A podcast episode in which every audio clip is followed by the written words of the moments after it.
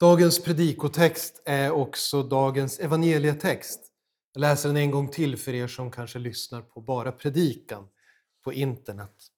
Det är alltså text för reformationsdagen, Matteus 16 och verserna 13 till och med 18.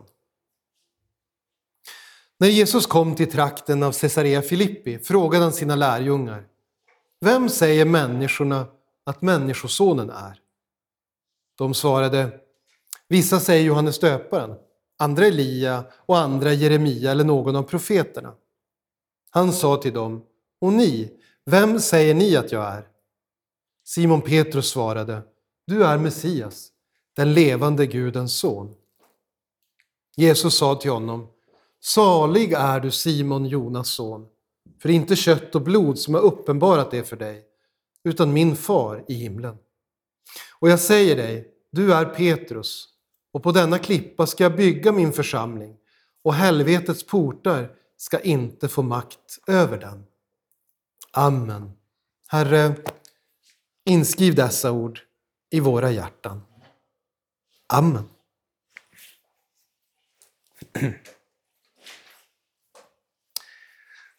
På vilken grund är kyrkan byggd? Det är en fråga som jag vill prata om idag.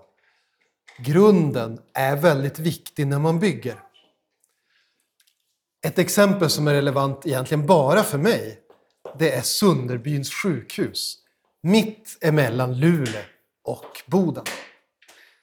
På 90-talet så insåg man att man hade för få sjukvårdsplatser i Norrbotten. Och så hade man ett jättefint sjukhus i Boden. Nu är inte Indra här, så då kan jag säga Boden är en liten håla. Det var inte så många som bodde där. Och man tyckte att det var onödigt att behöva åka dit som patient. Luleå var ju den stora orten, så man tänkte det är klart att vi ska ha ett nytt fint sjukhus i Luleå. Och så blev det en jättekonflikt. Vart skulle sjukhuset ligga? Personalen fanns ju i Boden, många av dem. Några pendlade från Luleå. Och Bodens kommun ville inte släppa. Det var ju en jättestor sak för dem, samtidigt som man la ner militären i princip. Man kom fram till det rättvisaste är att lägga sjukhuset mitt emellan Luleå och Boden, såklart. I Sunderbyn, med några tusen invånare. Där var marken också billig. Och man tänkte här finns det utrymme att bygga ut, vilket man har börjat göra nu. Då. Problemet var att marken var så lerig. Så att när man började projektera och planera så insåg man att bygger vi här, då kommer hela byggnaden att börja sätta sig, säger man. Alltså att den trycks ner på ena sidan, så blir det sprickor i väggen och så händer det något någon annanstans. Grunden blir instabil. Så man var tvungen att gräva upp all jord och schakta bort den. Forsla bort den och det kostade ytterligare 380 miljoner. Men det var det värt, för då blev grunden stabil. Vi måste bygga på en stabil grund. Vår text idag, det är framför allt slutet av den. När Jesus säger att han vill bygga kyrkan på klippan. Det är en vers som är väldigt omstridd inom kristenheten. Olika kristna traditioner läser den här versen på olika sätt. Vissa menar att här ser vi tydligt att kyrkan är byggd på traditionen. Den katolska kyrkan menar att Jesus här säger att det är på Petrus han vill bygga sin kyrka. Och då kan vi dra slutledningen att Petrus nog var den allra första påven. Och då kan vi nog dra slutsatsen att man ska ha en påve i kyrkan som har det sista ordet och som bestämmer vad som är sant och falskt. Bland annat genom det här bibelstället så vill man försvara påvens makt. Man kan också på det sättet säga om påven har en gudomlig uppgift, om han talar för Jesus, man måste lyda honom, då kan inte kyrkan egentligen göra fel. För då har ju Gud styrt kyrkan i alla tider, den katolska kyrkan i alla tider. Så traditionen, det vi alltid har gjort, det vi alltid har tänkt, det bör vara rätt tack vare att vi alltid har gjort och tänkt så. Tror att en del av er som hör det här kan känna igen det. Ibland kan det vara så på en ny arbetsplats. Man börjar jobba någonstans och så kommer man med en idé och säger nej, vi har alltid gjort så här. Så därför måste det vara rätt. Men om man läser grekiskan i grundspråket här, då ser man att grammatiken där talar emot den här tolkningen av stället. Utan att gå in på det allt för djupt. Så man kan, kan man säga att Petros, som är Petrus på grekiska, alltså hans namn, som han har fått av Jesus. Simon hette han ju från början. Simon Petrus. Det är ett maskulint eh, substantiv. Och Petra, som Jesus använder istället och säger det ska jag bygga min kyrka på. Det är ett feminint substantiv. Så de passar inte ihop där. Jesus kan man säga att det är en liten ordlek. Den lutherska reformationen den underströk bland annat att ingen människa har auktoritet att bestämma vad andra människor ska tro och bekänna. Ingen människa får sätta sig så ungefär jämsides med Gud och säga mitt ord är lag. Jesus går ju väldigt långt. Han säger till och med så här. Ni ska inte kalla någon för fader, för det finns bara en fader, er fader i himlen. Ni ska inte kalla någon för mästare. Endast Gud är er mästare. Så det är väldigt tydligt från Bibelns samlade undervisning att en typ av hierarki där man har någon som bestämmer vad som är rätt och fel i kyrkan är tydligt obiblisk och mot Jesu vilja. Istället så för den lutherska reformationen in en medvetenhet om att det är varje kristens ansvar att studera Bibeln och fundera, vad lär den egentligen? Det är inte reserverat för bara präster. Det är inte reserverat för bara biskopar eller bara påven eller bara kyrkomötet, utan det är varje kristens ansvar. En stor sak med reformationen är att Luther skriver sina katekeser, den stora och den lilla, för att han vill öka kunskapen om kristen tro hos vanliga kristna som tidigare inte hade kunnat läsa. Nu är tryckkonsten ett faktum och fler och fler människor lär sig att läsa och det blir möjligt att ha råd att köpa saker att läsa. Och då vill man sprida kunskapen, för den ska finnas hos alla. Andra som läser den här versen, de menar, här ser man tydligt att kyrkan är byggd på uppenbarelser. För Jesus säger ju, kött och blod har inte uppenbarat det här för dig, eh, Petrus, Simon Petrus, utan det kommer från min far. Vissa karismatiker, de, de läser den här versen och säger, här ser vi att kyrkan är beroende av fortlöpande uppenbarelser. Eh, kyrkan är beroende av uppenbarelser som kommer till henne fortlöpande. Om man ska veta vad som är rätt och fel här och nu, då är man ju beroende av att någon i församlingen får en uppenbarelse och kan berätta det för oss. Hur ska vi annars veta? Vissa kyrkor har speciella eh, profeter som när det uppstår en svår fråga får träda fram och säga nu har Gud talat till mig och hans vilja är X, eller kanske Y eller Z. Men Istället kan vi se att Bibeln pekar mot att kyrkan är byggd på profeterna och apostlarnas grund. Gamla, på profet, Gamla testamentet på profeterna, Nya testamentet på apostlarna och deras lärjungar. Och det talas om att den uppenbarelsen tillsammans, profeternas och apostlarnas, Gamla och Nya testamentet, det är Guds uppenbarelse till oss. Och där finns allt vi behöver för vår frälsning. Vi behöver inte vänta på fler uppenbarelser. Luther ville påminna människor om att det är just Bibeln, alltså det är just den här boken som är Guds uppenbarelse. Gud har talat till dig. Han har talat jättemycket, titta den är jättetjock. Här finns väldigt, väldigt mycket kunskap och information för den som vill veta vad är Guds vilja med mitt liv. Hur ser Gud på min samtid? Inget är nytt under solen, faktiskt. Tekniken utvecklas, men problemen och utmaningarna för oss är de samma.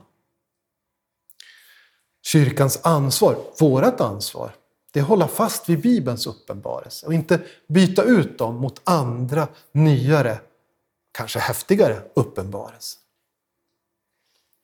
Och det jag sagt hittills, det skulle man kunna föra in under en av reformationens slag, ord eller motton. Sola scriptura, skriften alena. Endast Bibeln ska avgöra vad som är rätt och fel när det gäller vår tro och vår bekännelse. Kyrkan ska inte bygga på en viss person eller på en apostolisk tronföljd, en succession. Den ska inte bygga på traditionen, så här har vi alltid gjort. Så kom inte med några nya tankar. Den ska inte bygga på nya uppenbarelser.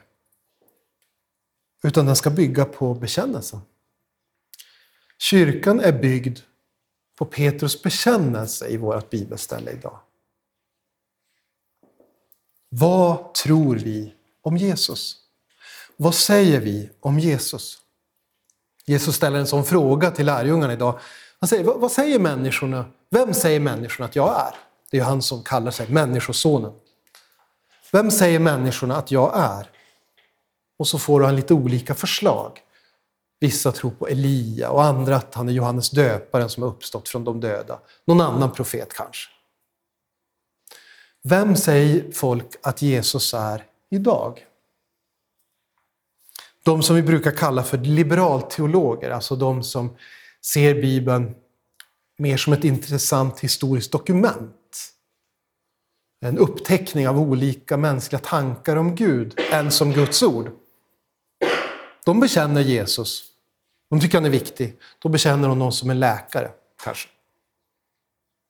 De säger han var, måste vara väldigt duktig på med liksom naturläkemedel, bota åtkommor som människor dittills inte hade kunnat bota. Han verkar ha varit skicklig på behandling med örter. Och, ja, han verkar ha varit klok. Andra bekänner honom som en god lärare. Vilka fina, vilka fina liknelser han kom på. De är väldigt, väldigt finurliga. Han, han var duktig på att undervisa. Det står till och med i Bibeln att människor som lyssnade till Jesus blev förbluffade för han, han undervisar på ett annat sätt än de var vana vid. Han var en skicklig pedagog, känner, säger de. Några säger jag ser Jesus som en social revolutionär. Han kommer med nya omvälvande idéer om samhällets uppbyggnad. Han verkar ha varit anti-auktoritär och det talar till mig. Andra säger Jesus var en jätteviktig moralisk förebild. Se vad snäll han var mot de små och svaga.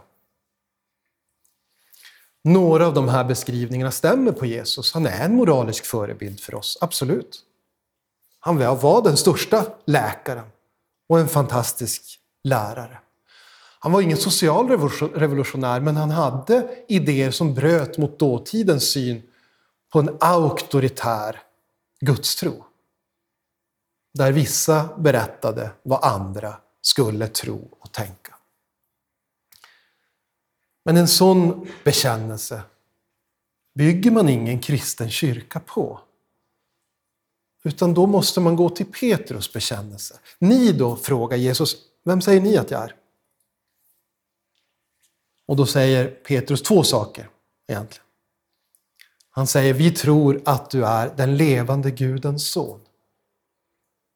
Han bekänner, du är mer än en profet. Du är mer än en budbärare. Du är mer än en lärare och en läkare. Du är sann Gud. Du är Jahve.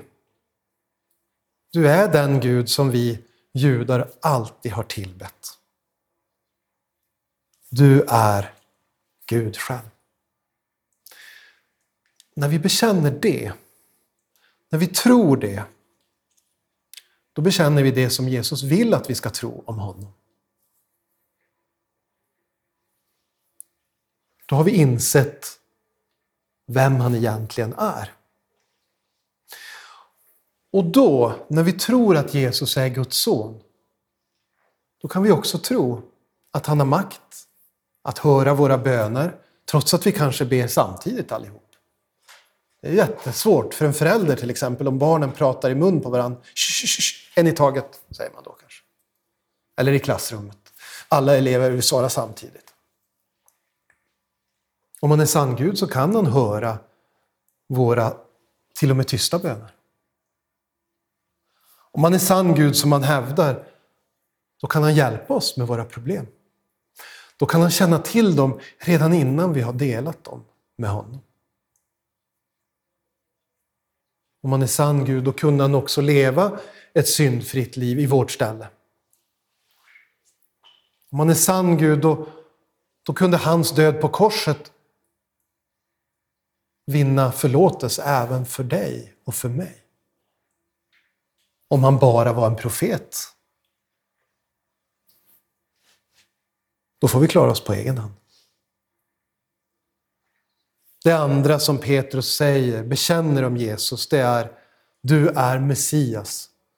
betyder den smorde. Kristus är samma ord egentligen fast på grekiska. Du är den vi har väntat på. Du är den som Adam och Eva fick löfte om. Du är den som Gud sa till Abraham skulle födas som en av hans efterkommande. Du är frälsaren. Det är dig vi har satt vårt hopp till. Det är dig människor har väntat på i tusentals år. Endast hos dig finns förlåtelse. Endast hos dig finns evigt liv. På den bekännelsen bygger Jesus sin kyrka. Reformationen, den lutherska reformationen, den visade på vikten av bekännelsen. Vikten av att man inte bara är medlem i en kyrka, att man är upptecknad i en kyrkbok någonstans på ett kontor, utan att ens namn är upptecknat i Livets bok. Att ens namn står där på sidorna där Gud har upptecknat namnen på de sina. Det är det som är det viktiga. Tron på Jesus, inte vart man är medlem eller vad man har för kulturell bakgrund. Det vi talar om nu, det kan man säga är ett annat av reformationens motton, sola fide, tron alena. Det är bara genom tron som vi blir delar av den här kyrkan. Inte på något annat sätt. Vår uppgift idag är att bekänna Bibelns Jesus. När Jesus kommer tillbaka, då vill vi kunna svara på den här frågan. Ni då, vem, vem säger ni att jag är? På samma sätt som Petrus och lärjungarna. Du är Messias, den levande Gudens son. Vår uppgift är att bekänna Bibelns Jesus i våra ord, vad vi undervisar, vad vi lär barnen, vad vi lär här på gudstjänsten. Men också i våra handlingar. Vi vill bekänna Jesus också i hur vi lever våra liv. Vi vill att människor utifrån ska kunna känna igen den kristna kyrkan på hur vi behandlar dem. Men till sist, kanske den viktigaste delen av reformationen. Det är ju den, det tredje mottot som ofta brukar nämnas först. Sola gratia, nåden alena. Endast av nåd får vi vara Guds barn. Inte på grund av en välputsad fasad. Inte på grund av att andra tycker att vi är tillräckligt snälla. Inte ens på grund av att Gud tycker att vi är tillräckligt snälla. Vår identitet som kristna är en gåva. Genom dopet, eller genom ordet, så har vi fått bli medlemmar i Kristi kyrka. Han talade med sina lärjungar där för 2000 år sedan ungefär. Då visste han redan då att du skulle bli en kristen. Det är konstigt att tänka på. Då visste han redan då att du skulle bli omvänd och innesluten i hans kyrka. Och det var ju inte på grund av någonting du hade gjort, utan endast av nåd. Kyrkan är byggd på Guds nåd. Det är det dyrbaraste vi har. Frälsningen av nåd genom tro. Det är det som är kärnan, det är det som är grunden. Det är det som vi vill klamra oss fast vid. I liv och i död. Amen. Låt oss be. Kära Herre Jesus Kristus. Vi tackar dig för att du har byggt din kyrka på lärjungarnas bekännelse, på den goda bekännelsen, tron på att du är Messias, frälsaren. Vi tackar dig för att du har byggt den kyrkan på så sätt att den överlevt ända till idag. Vi tackar dig för att vi får vara medlemmar av den kyrkan. Vi ber för den kyrkan och vi ber också för den synliga kyrkan. Att du ska vara nådig mot dem som hoppas och förlitar sig på dig. Hjälp oss att bära det arv som förts vidare från generation till generation och bekänna dig. Det ber vi i ditt heliga namn. Amen.